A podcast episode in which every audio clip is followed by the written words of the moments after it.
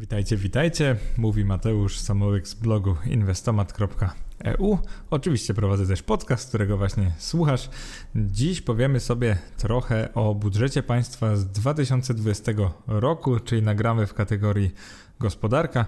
Jest to kategoria, którą no niestety trochę zaniedbuję ostatnimi czasy, więc przyznaję, że trzeba trochę nadrobić, wrzucić jakiś wyższy bieg i opisać budżet państwa zarówno w poprzednim, w ubiegłym, czyli w 2020 roku oraz w 2021 roku, czego dokonam w podcaście kolejnym, czyli za tydzień. Jeżeli chodzi o ten podcast, skupimy się przede wszystkim na zmianach i wykonaniu tego budżetu. Przypominam, że rok 2020 był to rok pandemiczny, czyli rok, w którym zaskoczył nas COVID. Pierwszą wersję tego budżetu państwa ustalono 14 lutego 2020 roku, czyli gdzieś w czasach, kiedy pojawiały się pierwsze przypadki zakażeń koronawirusem w Europie i tak naprawdę nie było jeszcze pewne, czy przeniesie się on na cały świat, czy zostanie on, wiadomo, w Chinach, we Włoszech i w kilku innych krajach. Więc tak naprawdę bardzo ciężko było powiedzieć, czy będzie to problem światowy, czyli stanie się to pandemią, czy będzie to gdzieś zamknięte na obszarze kilku krajów i tak naprawdę pewnie większość osób, w tym nasz ustawodawca, nasz zarządca, można powiedzieć, rząd po prostu uznawał, że raczej nie wpłynie to jakoś znacząco na budżet Polski. Dlaczego ten podcast będzie bardzo ciekawy, przynajmniej według mnie? E, przede wszystkim dlatego, że przedstawię tu na początku pierwotny kształt tego budżetu na 2020 rok, który tak naprawdę nie będzie znacząco różnił się od budżetu z roku ubiegłego, czyli z roku 2019. Będzie on wręcz bardziej optymistyczny. Może niektórzy z Was pamiętają, że planowaliśmy tak zwany budżet bez deficytu czyli taki, który zakładał, że wszystkie wydatki budżetu państwa będziemy finansować jego wpływami, czyli nie będziemy potrzebowali zadłużać się, nie będziemy potrzebowali zwiększać długu publicznego naszego kraju. Takie plany przynajmniej inicjalnie miał rząd Prawa i Sprawiedliwości w roku 2020, co szybko zweryfikowała rzeczywistość i w październiku 2020 roku doczekaliśmy się tak zwanej nowelizacji ustawy, czyli tak naprawdę nowego budżetu, o którym powiem w dalszej części podcastu. Następnie opiszemy sobie, jak poszło to wykonanie budżetu, czyli to działa w ten sposób mniej więcej, że na początku jest ustawa budżetowa, to jest na początku danego roku, można ją znowelizować podczas roku.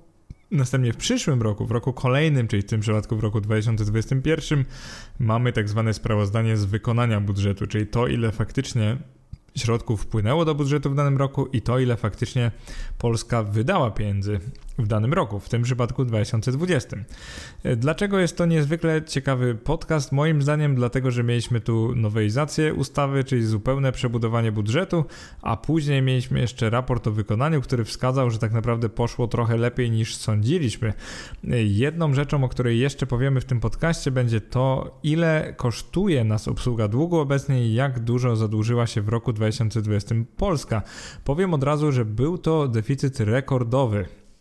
Planowaliśmy budżet bez deficytu, okazało się, że potrzebujemy ogromnych nakładów gotówki, których nie mieliśmy. Rząd Prawa i Sprawiedliwości dość w taki cwany, zmyślny sposób ukrył to trochę po różnych budżetach, czyli nie tylko na szczeblu centralnym, państwowym, ale też na samorządowych oraz szczeblu instytucji państwowych, takich jak PFR, czyli Państwowy Fundusz Rozwoju, czy NBP, czyli Narodowy Bank Polski. Czyli na końcu podsumujemy sobie trochę, ile naprawdę zwiększyło się zadłużenie naszego kraju i co to właściwie dla nas znaczy, czyli ile być może będzie nas już niedługo kosztować obsługa długu publicznego. I oczywiście poszukamy sobie tych wydatków na tarcze antykryzysowe. W chwili, gdy nagrywam ten podcast, mieliśmy już tych tarczy antykryzysowych bodajże 8, także ostatnia nazywa się 8.0. Zaczęło się wszystko od zeszłego roku, chyba marcu, kwietnia, e, kiedy mieliśmy tarczę kryzysową 1.0, później mieliśmy 2.0 i tak dalej, i tak dalej, więc trochę było z tym jak z wersjami software'u. Dla kogo przede wszystkim jest ten podcast? E, dla każdego Polaka i Polki. E, dla każdego, kto ciekawi się, w jaki sposób wydawane są pieniądze z naszych podatków i nie tylko, ponieważ źródła są nie tylko podatkowe. Oczywiście do budżetu centralnego państwa wpływają głównie podatki, ale powiedziałbym, że nie tylko podatki, o czym sobie zaraz powiemy.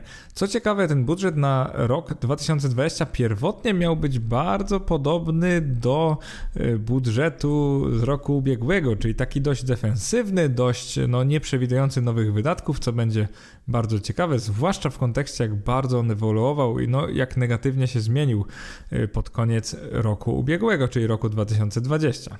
Jedna rzecz, o którą chciałbym Ciebie prosić jako mojego słuchacza, mojej słuchaczki, to jest takie otwarcie umysłu. Ja w tym podcaście nie będę manifestował swoich poglądów politycznych. Nie po to on jest, żeby kogokolwiek przekonywać do danych partii politycznych lub jakby zniechęcać. Tak naprawdę postaram się przedstawić liczby. Oczywiście będą one opatrzone pewnym komentarzem. Myślę, że jako suweren, jako przedstawiciel narodu mam oczywiście prawo komentować to, co robią rządzący, natomiast postaram się nie robić tego emocjonalnie, tylko wiecie, logicznie, cytując liczby i tak dalej, i tak dalej. I po prostu zastanawiać się, czy te pieniądze są dobrze pożytkowane, a nie jakby oceniając i podsuwając gotowe rozwiązania typu ta partia jest lepsza od tamtej, no bo zupełnie nie po to jest mój podcast. Ja wiem, że takie polaryzowanie budzi emocje, a emocje mogą być dobre i złe i tak naprawdę wielu podcasterów, youtuberów wybija się na tym, że generuje takie emocje, natomiast no mam nadzieję, że tak to odczuwasz, że zaletą mojego podcastu jest właśnie to, że y, poza emocjami chciałbym przekazać jakieś faktyczne liczby, jakieś twarde dane i po prostu zainteresować jakimś tematem, a nie sprawić, że nie nie wiem, ktoś mnie będzie bardziej lub mniej lubił, bo wywołałem daną emocję. Ja uważam, że temat budżetu państwa nie powinien być emocjonalny. Powinniśmy po prostu oceniać fakty, zastanawiać się, co się stało, co poszło dobrze, a co źle, no i dopiero na bazie tego formować później swoje poglądy polityczne, które również uważam nie powinny być jakoś bardzo emocjonalne, a raczej powinny być oparte na twardych danych. Oczywiście nie każdy tak umie, ale nawołuję do tego, żebyśmy ostudzili trochę swoje zapały, ochłodzili swoje głowy i po prostu posłuchali o tym, jak wyglądał pierwotny, a później zmodyfikowany plan budżetu, no i jak poszło rządowi Prawa i Sprawiedliwości wykonanie tego budżetu, bo tak naprawdę o tym będzie ten wpis. Najważniejsze daty z zeszłego roku to jest 14 luty 2020, w którym została opublikowana treść oryginalnej ustawy budżetowej. Później mieliśmy 28 października 2020 roku, w którym została opublikowana nowelizacja ustawy zawierająca wszelkie modyfikacje związane z walką z pandemią choroby COVID-19 zwłaszcza. I później ważną datą jest oczywiście początek 2021 roku, mowa tutaj o styczniu, lutym i marcu, w których publikowane były kolejne dane szacunkowe o wykonaniu tego planu budżetowego, o których też sobie powiemy już wkrótce. Zanim zaczniemy opis tego pierwotnego kształtu budżetu na rok 2020, chciałbym jeszcze raz podziękować wszystkim, którzy ocenili mój podcast na platformie Apple Podcasts. Żeby to zrobić, wystarczy Ci konto w iTunes. Podejrzewam, że wiele z Was ma takie konta, więc jeżeli podoba Wam się mój podcast, zapraszam serdecznie, żebyście weszli właśnie na iTunesy, znaleźli podcast Inwestomat i dali mi tą piąteczkę. Najlepiej, jeżeli jeszcze zrecenzujecie. Będę Wam bardzo wdzięczny. W tej chwili mam tych ocen ponad 100 i są naprawdę niezłe, więc bardzo, bardzo Wam dziękuję. No bo to zwiększa oczywiście zasięgi podcastu, sprawia, że mogę dotrzeć do większej liczby osób. E, przechodzimy do tematu pierwotny kształt budżetu na 2020 rok. Było niezwykle ambitnie, ponieważ zakładaliśmy niezadłużenie się wcale. Wydatki miały być tylko trochę większe niż w zeszłym roku, mianowicie miały wynosić 435 miliardów złotych wobec 416 miliardów złotych w roku ubiegłym, czyli 2019. Natomiast wpływy miały być ogromnie wyższe niż w roku 2019, mianowicie 435 miliardów złotych dochodu z podatków oraz źródeł niepodatkowych wobec, uwaga, 388 miliardów złotych. Ponad 40 miliardów, właściwie prawie 50 miliardów różnicy z roku na rok to jest ogromny skok wpływów do budżetu, do kasy państwa, można powiedzieć. Było to założenie niezwykle ambitne. Było to coś bardzo chwalebnego z poziomu takich poglądów wolnościowych, żeby właśnie nie zadłużać budżetu i tak naprawdę pamiętam jeszcze początek 2020, w którym PiS to ogłosił, no niezwykle się cieszyłem, że wreszcie zaczynamy rządzić tak jak inne jakby bardziej rozsądne rządy, czyli staramy się robić to bez deficytu, czyli może nawet po latach byśmy zaczęli spłacać ten swój ogromny, już ponad bilionowy dług publiczny. No, niestety to, co przyniósł rok 2020, myślę, że mało kto się spodziewał. Nie dość, że budżet wyszedł z deficytem, to ten deficyt budżetu centralnego wyniósł ponad 100 miliardów złotych, ponieważ ostatecznie udało nam się naszemu państwu, że tak powiem, zarobić około 400-420 miliardów, natomiast wydaliśmy ponad 500 miliardów złotych w ciągu jednego roku. Także zamiast deficytu 0% mieliśmy deficyt i tutaj budżetu centralnego tylko wynoszący, tak jak Wam mówię, 80 miliardów złotych lub więcej. Prawda jest taka, co powiem na samym końcu tego podcastu, że nie zadłużyliśmy się o 80 miliardów, a około 320 lub nawet 340 miliardów w ciągu roku. Co stanowi tyle, ile zadłużaliśmy się przez ostatnie 10 lat. I to jeszcze nie uwzględniamy inflacji, bo pamiętajcie, że środki sprzed 10 lat byłyby dzisiaj warte o wiele więcej, więc jakbym miał to zrobić zupełnie obiektywnie, to by wyszło, że zadłużyliśmy się w jednym roku no o tyle, co mniej więcej w ciągu 9 lat, powiedzmy, co jest tak bardzo, bardzo dużym długiem. Zacznijmy trochę omawiać e, budżet państwa, ten oryginalny z roku 2020, czyli ten bez deficytu. Planowane wpływy miały być naprawdę ogromne 435 miliardów złotych, z czego z podatku VAT miało pochodzić 45%, z akcyzy miało pochodzić 17,2%, no i z podatku PIT i CIT odpowiednio 15 i około 10%. Inne wpływy podatkowe i nie to miało być około łącznie 13% budżetu państwa, czyli głównie VAT i akcyza, później mniej CIT, no i później mniejsze wpływy typu dywidendy ze spółek Skarbu Państwa itd., tak itd. Tak Teraz co to tak naprawdę znaczy, na jakim poziomie to jest ciekawe. Przede wszystkim chciałbym tutaj wspomnieć o tych pozycjach wpływów, które miały się zwiększyć najwięcej. E, wpływ podatku VAT miał być prawie 10% wyższy rok do roku 2020 do 2019, co jest naprawdę imponujące. Chodzić tu o te słynne uszczelnianie luki VAT-owskiej, o którym być może słyszałeś lub słyszałaś. Kolejno, planowany wzrost wpływu spadku CIT miał wynosić 20% rok do roku, co jest naprawdę rekordowe. Praktycznie nigdy ten podatek nie przynosi 20% skoku wpływów w ciągu jednego roku.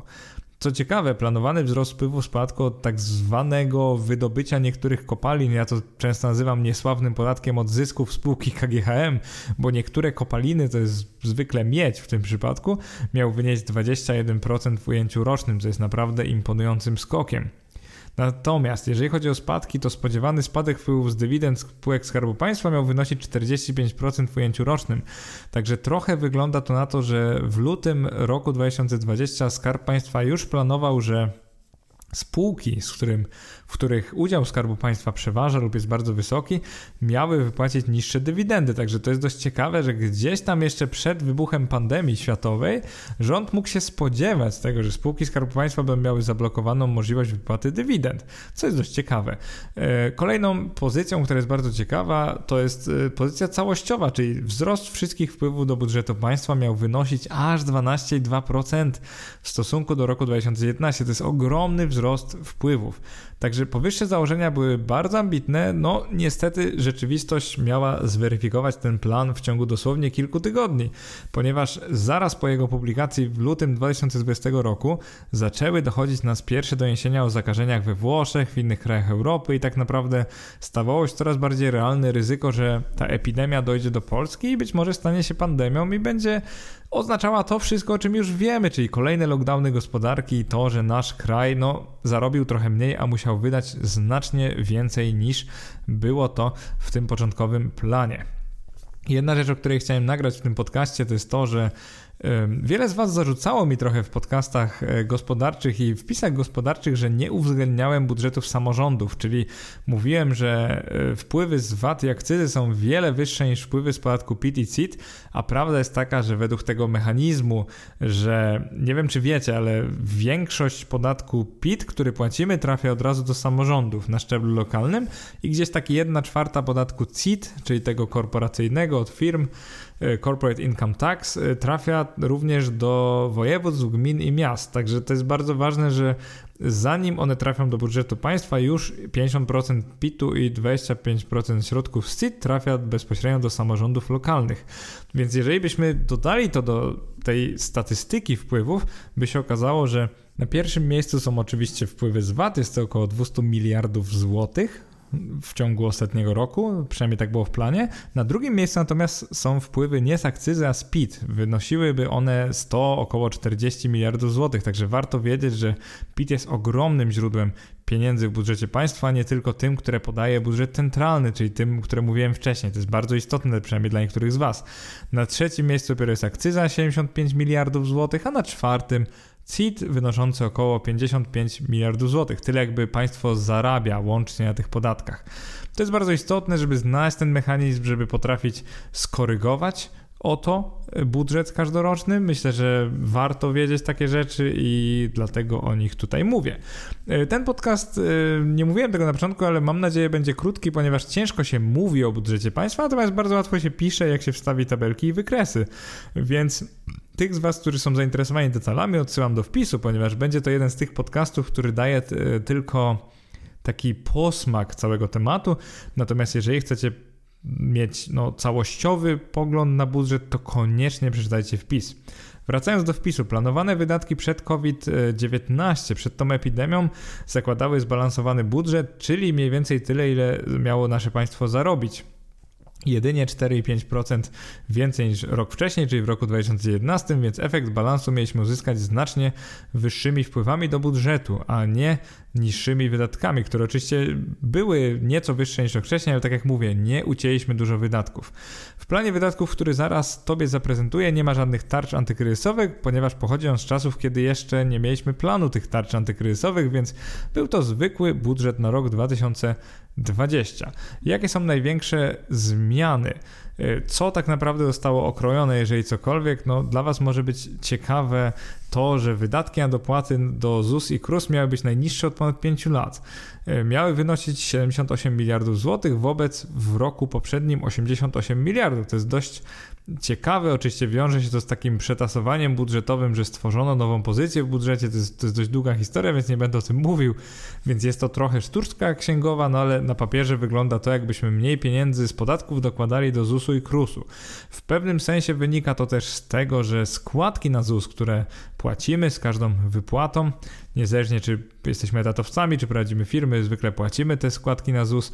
Mm, one są głównym paliwem tego mechanizmu wypłat bieżącym emerytom, natomiast e, warto wiedzieć, że z podatków też bardzo duża ich część e, trafia do ZUS-u, ponieważ ZUS jest, no, można powiedzieć, bankrutem. Nie stać nas ze składek na ZUS, żeby wypłacać składki obecnym emerytom, co jest dość ciekawe, więc musimy pożyczać pieniądze z podatków. W tym budżecie z roku, z roku 2020 miało być to tak fajnie i ambitnie złożone, że nic byśmy prawie, no byśmy nie dokładali wobec roku ubiegłego, tylko byśmy wręcz ucięli tą pozycję w budżecie. Druga sprawa jest taka, że wydatki na samorządy miały być nieco niższe, ponieważ miały wynosić 88 miliardów. W roku ubiegłym 2019 miały wynosić 92 miliardy. Także widzicie, że pewne pozycje miały być nieco przycięte. E, tańsza miała być też obsługa długu. Ten punkt wiąże się ze spłacaniem przez państwo tych dawnych niekorzystnie, czyli po prostu wyżej oprocentowanych obligacji skarbowych, a emitowaniem obecnych znacznie korzystniejszych dla państwa warunkach, czyli po prostu mniej rentownych obligacji. Jeżeli chodzi o kategorię wydatków, która miała otrzymać gwałtowny zastrzyk, to zdrowie i pomoc społeczna, której po prostu wydatki na 500 plus i inne świadczenia rodzinne, w budżecie państwa one są określane jako rodzina. One miały wzrosnąć z 37, no właściwie 38 miliardów w 2019 do aż 56 miliardów w roku 2020. I interesujące może być dla Ciebie to, że wydatki na ochronę zdrowia w 2020 roku miały być tylko nieznacznie wyższe od tych z roku poprzedniego, bo miały wynosić 8,5 miliarda złotych wobec 8,3 miliarda złotych. Więc jak widać, nikt się nie spodziewał rozwoju sytuacji, który później nastąpił, czyli wybuchu pandemii COVID-19. I teraz omówmy sobie najważniejsze rzeczy, jeżeli chodzi o ten budżet zmodyfikowany po COVID-19, czyli jak e, no, szydło wyszło z worka, jak dowiedzieliśmy się, że pandemia zalewa Europę, zaczęliśmy wprowadzać kolejne lockdowny, zamykając branżę gospodarki. O tym na przykład pisałem we wpisie wpływ koronawirusa na polską gospodarkę, w którym trochę bawiłem się liczbami, próbując przewidzieć wpływ pandemii, a konkretnie związanych z nią lockdownów na polską gospodarkę, zwłaszcza PKB i stopy bezrobocia. Kolejny ciekawy wpis i podcast, który może Ciebie zainteresować, nazywa się Skąd rząd weźmie pieniądze na tarczę antykryzysową. W tym podcaście analizowałem możliwe źródła środków na tak zwane tarcze antykryzysowe, z których ostatnią już jest tarcza 8.0, ogłoszona dość niedawno, bo 4 marca 2021 roku. W tamtym momencie wiedziałem raptem o dwóch tarczach, ale jak pokazuje historia, byłem dość blisko, jeżeli chodzi o wysokość środków potrzebnych na zafundowanie tych tarcz oraz jeżeli chodzi o ich źródła, ponieważ jedny z tych wyższych, czyli dodruk pieniądza, jakby emisja nowego pieniądza, to było główne źródło pokrywania tych właśnie kosztów. Jeżeli chodzi o planowane wpływy już po COVID-19, no to zmieniły się one dość e, drastycznie. E, najciekawsze zmiany to to, że dochody z VAT miały spaść e, z prawie 200 miliardów złotych do tylko 170 miliardów, czyli o prawie 15% wobec oryginalnego planu, czyli powodem tego spadku mogło według mnie być znacznie obniżona, mogła być znacznie obniżona konsumpcja wśród Polaków oraz mniejsze zapotrzebowanie firm na towary i produkty, czyli po prostu byśmy mniej kupowali, a jak jest mniejsza konsumpcja, no to w oczywisty sposób z VAT-u, czyli Value Added Tax, z tego co jest ukryte w prawie każdym produkcie i usłudze, państwo dostawałoby mniej środków. Drugą pozycją, która została znacząco bardzo ucięta, były dywidendy i wypłaty zysku z skarbu, skarbu państwa, których redukcja miała wynieść aż miliard złotych, czyli z półtora miliarda, które i tak było dużo niższe niż rok wcześniej, miały one spaść do pół miliarda. Dlaczego jest dość proste? To się wzięło z decyzji KNF o zablokowaniu dywidend z wielu spółek, w których Skarb Państwa jest dominującym akcjonariuszem, czyli po prostu jeżeli dywidendy są blokowane, to też Skarb Państwa, nie tylko inwestorzy indywidualni jak my, nie dostaną swoich upragnionych dywidend. Jeżeli Cię w ogóle ciekawi temat dywidend, no to pokryłem to w podcastach o tytułach, które spółki z GPW wypłacą dywidendę w 2021 roku. To był pierwszy podcast, a drugi E, właściwie tutaj mam tylko wpis, przyznam się, że nie nagrałem podcastu, może dobrze, że o tym mówię. Wpis nazywa się Prognoza wysokości dywidend spółek z GPW przed sezonem wypłat 2021. Ten drugi wpis o tyle nie był taki przyjazny do nagrywania podcastu, że był on bardzo mm, aktualny w danym momencie że tak powiem, to jest jedna rzecz, a druga to, że ciężkość nagrywa podcasty, w których jest dużo liczb i przykładem jest ten podcast, że staram się tobie opowiadać, co się zmieniło, a mniej skupiać na tym, jak bardzo, po to jest wpis i po to są te tabelki. Wracając do sedna, drugim podatkiem, z którego wpływy miały być w roku 2020 znacząco niższe, znacznie obniżone był CIT, czyli podatek dochodowy od osób prawnych, z którego wpływy miały spaść o 8,3% wobec oryginalnego planu, czyli naprawdę sporo. Łączne wpływy państwa polskiego miały spaść według tej nowelizacji ustawy z 435 miliardów do 398, czyli niecałych 400 miliardów złotych, czyli o prawie 10%. Czy jest to założenie defensywne. No jak się okaże, e, naszemu państwu udało się zarobić w cudzysłowie nieco więcej, także e, było bliżej oryginalnego, tego ambitnego planu bez deficytu niż tego planu negatywnego. Tylko co się stało? Stało się to, że znacznie rozbuchały się nasze wydatki. Planowane po COVID-19, po, tej, po wybuchu tej pandemii wydatki nagle się okazało, że są o wiele wyższe niż inicjalnie planowaliśmy. E, o ile wyższe, będziecie pewnie w szoku, ale z tych 435 miliardów zrobiło się nagle 508 miliardów, czyli wzrost o ponad 16%. I tutaj mówię tylko o budżecie na szczeblu państwowym, czyli w ogóle nie mówię o tych takich ukrytych pożyczkach, o których powiemy sobie na końcu. Co to dla nas znaczy, że zamiast budżetu bez deficytu uzyskaliśmy rekordowy deficyt od czasu transformacji, przekraczający w jednym roku 110 miliardów złotych. No i skalę zmian w tych wydatkach myślę, że najlepiej opowiem Ci na przykładach. Weźmy kategorię zdrowie i pomoc społeczna, na którą nakłady mm, wzrosły z 71 do 101 miliardów złotych, czyli o 42%. Dodam tylko, że największym beneficjentem tych wzrostów nie była wcale pozycja ochrona zdrowia, bo ona zyskała bardzo mało, z 8,5 miliarda do 10,5 miliardów, co tak naprawdę chyba zostawię bez komentarza. Największym beneficjentem wzrostu były tak zwane pozostałe działania społeczne. I teraz co jest zaszyte w tej kategorii? Tak zwany fundusz solidarnościowy. To jest ten fundusz, z którego dodatkowe 26,5 miliarda złotych trafiło w roku 2020 do, do osób niepełnosprawnych oraz jako 13 i 14 emerytury dla polskich emerytów. Czyli to był fundusz na tak tak naprawdę wygranie wyborów przez PiS. E, jakkolwiek to zabrzmi, no to te dodatkowe środki były właśnie głównie po to, żeby zachęcić elektorat PiSu do głosowania na nich. No i tutaj nie chcę robić tego podcastu bardziej politycznym niż być powinien, ale warto to wiedzieć, że jakby te środki poszły głównie na to, dodatkowe 26,5 miliarda złotych.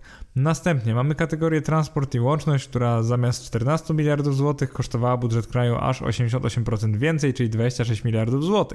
Z tym, że tego wzrostu nie mogę jakoś bardzo krytykować, bo to jest spowodowane głównie przez rozwój dróg e, krajowych i samorządowych, więc jakby zadziwiające to jest, że te wydatki wzrosły akurat w roku wybuchu pandemii COVID-19 i tym roku, kiedy trzeba było z nią walczyć.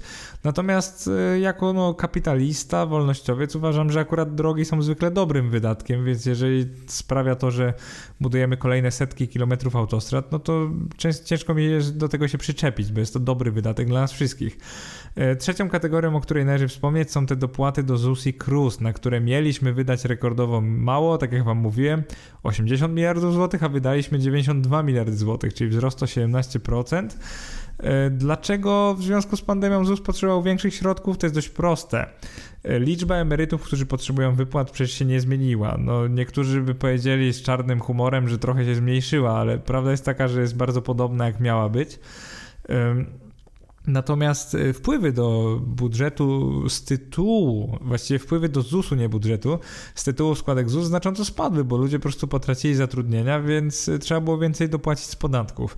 E, tak jak Wam mówiłem, ZUS jest niewydolny, a w tym roku ta niewydolność była jeszcze bardziej widoczna, ponieważ mniej ludzi albo ludzie płacili mniejsze składki na ZUS. E, wiele osób było na L4 albo na tych specjalnych programach tych postojowych, więc płacili mniejsze składki na ZUS, e, co skutkowało tym, że trzeba było więcej, że tak powiem, pożyczyć z budżetu państwa, czyli po prostu wziąć z podatków. Więc ten rok skończyliśmy na tym, że też rozbuchane znacznie były wydatki na ZUS i KRUS.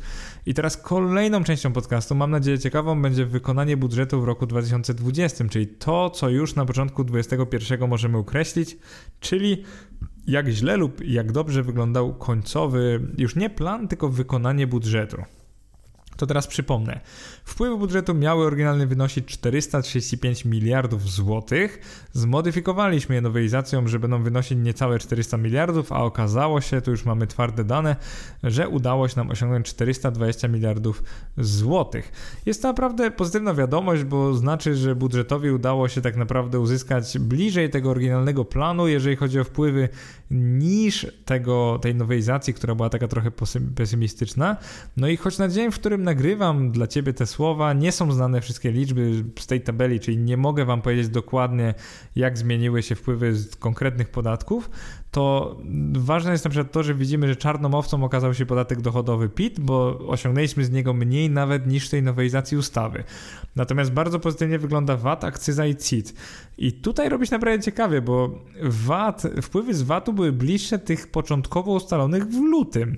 I teraz co tak naprawdę oznacza? Sam w momencie wybuchu pandemii, czyli w marcu 2020 roku, byłem takim dość pesymistą gospodarczym, czyli spodziewałem się, że bardzo wzrośnie bezrobocie, bardzo spadnie dynamika PKB oraz po prostu jako Polacy zbiedniejemy i będzie gorzej w kraju. Natomiast to, że wpływy z VAT i akcyzy wcale jakoś znacząco nie spadły wobec planowanych w lutym 2020, jest dla mnie o tyle zagadką, że znaczyłoby to, że konsumpcja praktycznie nie wyhamowała. I jeżeli konsumpcja nie wyhamowała, to znaczy to, że gospodarstwa domowe wcale nie mają dużo gorzej. A jeżeli gospodarstwa domowe nie mają gorzej, to znaczy to, że jakby ta sytuacja nie wpłynęła na nasze życie, a tak bardzo, na naszą na przykład pracę. Y, więc no to jest jeden z ciekawszych wniosków z tego podcastu, myślę. I teraz przechodząc dalej. Ile Polska wydała pieniędzy w roku 2020? No i tu niestety mam dla Was złą wiadomość, bo planowaliśmy inicjalnie 435 miliardów, później w nowelizacji ustawy miało to być 508 miliardów złotych, a naprawdę wydaliśmy 505 miliardów złotych, czyli prawie tyle, ile planowaliśmy w tym negatywnym, gorszym scenariuszu. Niestety rządzący zwykle mają takie coś, że jeżeli mogą ileś wydać, bo już zaplanują, to to robią. Dlatego, no niestety, y, ten rok się skończył tym, że deficyt nawet sektora finansów publicznych wyniósł tam 88 miliardów złotych. Ale chyba najciekawszą część podcastu zaczynamy teraz, ponieważ chciałbym odpowiedzieć sobie na pytanie, o ile zadłużyła się w 2020 roku Polska. I gdybyśmy w ogóle nie otwierali źródeł trzecich, Gdybyśmy nie przeszukiwali internetu, to byśmy mogli wywnioskować, że Polska zadłużyła się w roku 2020 o jakieś 88 miliardów złotych. No bo jeżeli weźmiemy szacunek wpływów minus szacunek wydatków budżetu centralnego, no to wyjdzie nam 88 miliardów złotych. Natomiast prawda jest brutalna, zwłaszcza dla rządu Prawa i Sprawiedliwości. Państwo polskie zadłużyło się w roku 2020 łącznie o około 340 miliardów złotych. E, skąd to wiem? Przede wszystkim szacuje to autor projektu Dług Publiczny, zachęcam do odwiedzenia strony, e, ale też szacują to źródła rządowe w ramach strony Ministerstwa Finansów, która jasno informuje o tym, że tak zwany dług EDP, czyli dług sektora instytucji rządowych i samorządowych, wzrósł w pierwszych trzech kwartałach 2020 roku o 262 miliardy złotych. I teraz, jeżeli bierzemy pod uwagę to, że mówimy teraz o trzech kwartałach, a nie całym roku, czyli brakuje nam kwartału czwartego i to, że okres lockdownu był tak naprawdę w prawie całym czwartym kwartale 2020 roku, czyli można jest domniemywać, że nie był to najlepszy kwartał dla gospodarki, a więc musieliśmy się wtedy dużo zadłużyć, potrzebowaliśmy pieniędzy na te tarcze itd., tak itd., tak można szacować, że polski dług publiczny wzrósł w roku 2020 nie o 25 miliardów złotych, jak planowałem kiedyś w takim e, wpisie już historycznym, który nazywał się Na co państwo polskie wydaje pieniądze. Tam zrobiłem analizę budżetu na 2019 rok i tak planowałem, że w 2020 zadłużymy się o 25 miliardów złotych. E, również nie o 88 miliardów, czyli tyle, ile wynikałoby z samej ustawy budżetowej, a raczej jej nowelizacji, zaś o uwaga, uwaga, bagatela 340 miliardów złotych. Oznacza to, że zwiększyliśmy nasze zadłużenie mniej więcej tyle, ile w ciągu poprzednich 10 lat. Co to właściwie znaczy? To znaczy to, że w latach 2001-2019 średni roczny wzrost zadłużenia, taki nominalny, czyli średni roczny deficyt budżetowy, czyli tyle, ile brakowało rządzącym do dopięcia budżetu, wynosił 42 miliardy złotych rocznie. I ciekawostką jest to, że w roku 2020 nie było to 42 miliardy, a 340 miliardów złotych. Lub więcej, bo tak naprawdę na finalne dane z Ministerstwa Finansów jeszcze czekamy, więc jeszcze do końca nie wiemy, ile dokładnie wzrósł nasz dług publiczny, ale jakieś szacunki mówią o tym, że jest to przynajmniej 300 20 do 340 miliardów złotych. Jest to naprawdę ogromna liczba. Jest to taka liczba, że powinniśmy się zacząć trochę przejmować, zaraz Ci wytłumaczę dlaczego. To znaczy mniej więcej tyle, że w ciągu jednego roku zadłużyliśmy się w ujęciu nominalnym o więcej niż w ciągu 10 poprzednich lat, czyli 2010 do 2019. Jeżeli kupiłeś tę historię o bezpiecznym zadłużeniu, które stale nie przekracza magicznej bariery 60% PKB i że Polska może się dalej zadłużać, no to zweryfikuj trochę teraz swoje poglądy. I pamiętaj o tym, że trwa właśnie kolejny rok pandemii, rok 2021.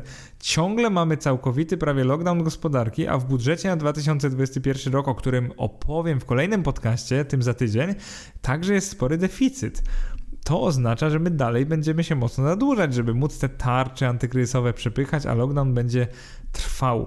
Więc osoby, które mają analityczny umysł, podobnie jak ja, powinny się chociaż trochę zacząć przejmować. I teraz, dlaczego sama skala zadłużania nie jest aż tak ważna, jak to, ile kosztuje nas obsługa długu? Co byś zrobił, gdybym powiedział ci, że możesz zadłużyć się o 30% więcej niż miałeś dotychczas zadłużenia, a twoje raty kredytu będą niższe niż przy tym mniejszym obecnym zadłużeniu? Coś podobnego czuli ze względu na obniżenie stóp procentowych WIBOR w ubiegłym roku z 1,5 do 0,1%. Niemal wszyscy kredytobiorcy w Polsce, wliczając to polski skarb państwa. Co to tak naprawdę znaczy? To oznacza to, że spadek stóp procentowych złotówki sprawił, że również dług publiczny, ten dług Skarbu Państwa nowo emitowany, jest jakby emitowany na lepszych warunkach. Oznacza to, że mimo, że zaczynaliśmy ubiegły rok z zadłużeniem około biliona złotych, czyli 1,05 biliona złotych, 1050 miliardów złotych, to do końca roku skoczyło ono, uwaga, uwaga, do 1,42 biliona złotych, czyli tak jakby 1420 miliardów złotych. No to w roku 2020 obsługa długu publicznego, czyli te odsetki, które państwo polskie musi rokrocznie płacić swoim obligatariuszom, czyli kredytodawcom, wynoszą jedynie 28 miliardów złotych wobec 29 w roku poprzednim, czyli 2019. Oznacza to to, że każda pożyczona przez państwo polskie złotówka kosztuje nas mniej więcej 2% brutto, czyli wcale nie tak dużo. To jest tańsze niż jakikolwiek kredyt hipoteczny, biorąc pod uwagę marże. Pamiętajmy jednak, że koszt długu może wzrosnąć, wywołując bardzo nieprzyjemny dla budżetu efekt, który Ci zaraz opiszę.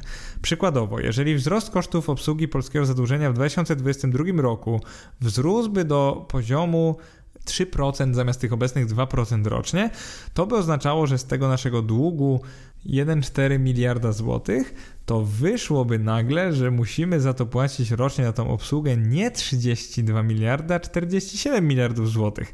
Kolejna ciekawostka.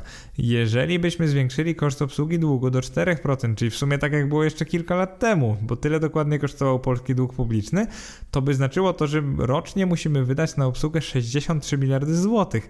Jeżeli nie rozumiesz kontekstu, to 63 miliardy złotych to jest mniej więcej tyle, ile zabiera cały program 500 Plus oraz 13 i 14 emerytura dla wszystkich polskich emerytów razem wzięte w ujęciu rocznym. Mam nadzieję, że informacje te wpłyną trochę na Twoje postrzeganie polskiego długu publicznego, bo to jeden z nielicznych momentów w moich wpisach, które chciałbym zrobić możliwie opiniotwórczymi.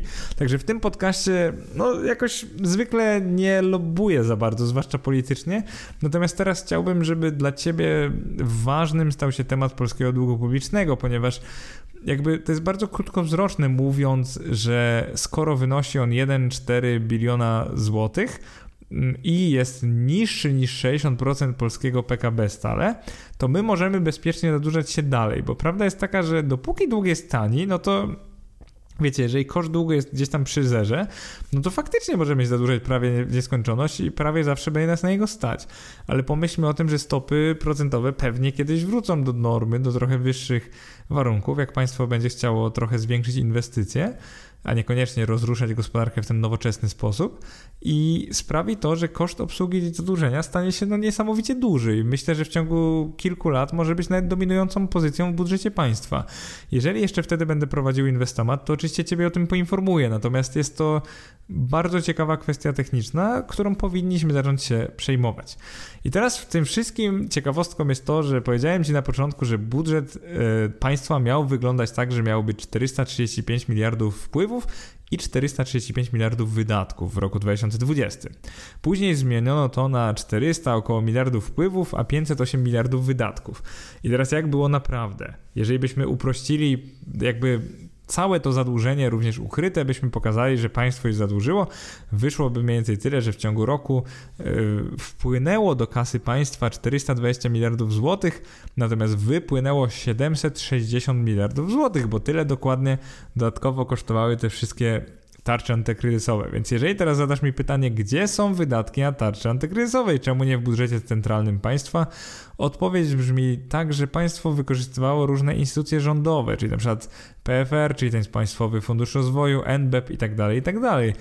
Tworzono specjalne fundusze, żeby jakby odizolować to od budżetu państwa. Natomiast prawda jest taka, że wydatki były, że musieliśmy zaciągnąć kredyt na to 340 miliardów złotych w ciągu roku. Więc jeżeli dajesz się, no powiem szczerze, nabrać na tę retorykę, że skarb państwa zadłużył się tylko dwukrotnie więcej niż średnio, czyli 88 miliardów złotych, to pamiętaj, że ważne jest to, ile łącznie państwo jest zadłużyło, a nie ile sam skarb państwa, bo tak jakby księgowo, podatkowo można to zrobić na wiele takich ciekawych, kreatywnych sposobów, ale najważniejsza jest prawda. A prawda jest taka, że dług publiczny wzrósł niesamowicie w ubiegłym roku. E, czego bym się najbardziej czym bym się najbardziej przejmował, czego bym się bał, no to właśnie tym, że w roku 2021 i w latach kolejnych ta tendencja będzie kontynuowana. No bo zauważ, że skoro są dalej lockdowny, no to dlaczego mielibyśmy się spodziewać, że nie będzie wydatków na tarcze antykryzysowe?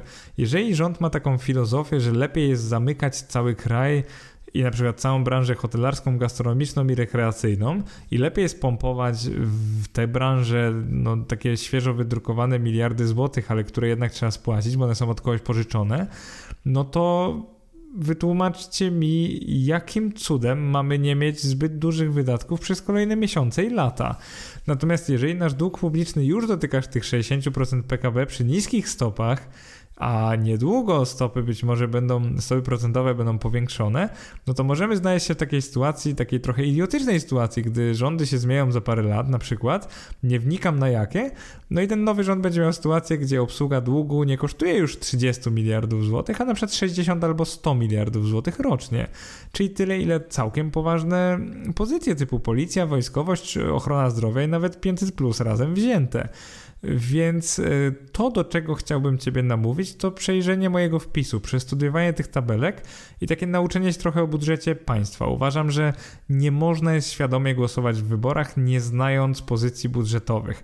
Uważam też, że bardzo mało osób jest świadomych tego, co się dzieje z polskim budżetem i chciałbym w ramach misji bloga Inwestomat właśnie to zmienić. Zwykle mówię o inwestowaniu, może takim trochę egoistycznym, o tym, żebyśmy zarabiali pieniądze, własne pieniądze, mnożyli je, ale myślę, że kolejnym filarem świadomości finansowej jest E, świadomość gospodarcza, czyli takie zrozumienie, e, ile państwo wydaje, ile państwo pobiera w podatkach, na co te podatki idą, no i dlaczego można by to zmienić na lepsze i w jaki sposób. Mam nadzieję, że podcast się podobał. Starałem się go nagrać jak najciekawiej. Pamiętaj, że we wpisie jest dużo więcej informacji, wykresów, tabelek, więc te tematy, no niestety, stety trzeba e, też przeglądać we wpisach. Daj mi znać w komentarzach, co o tym myślisz. Starałem się być tutaj maksymalnie apolityczny.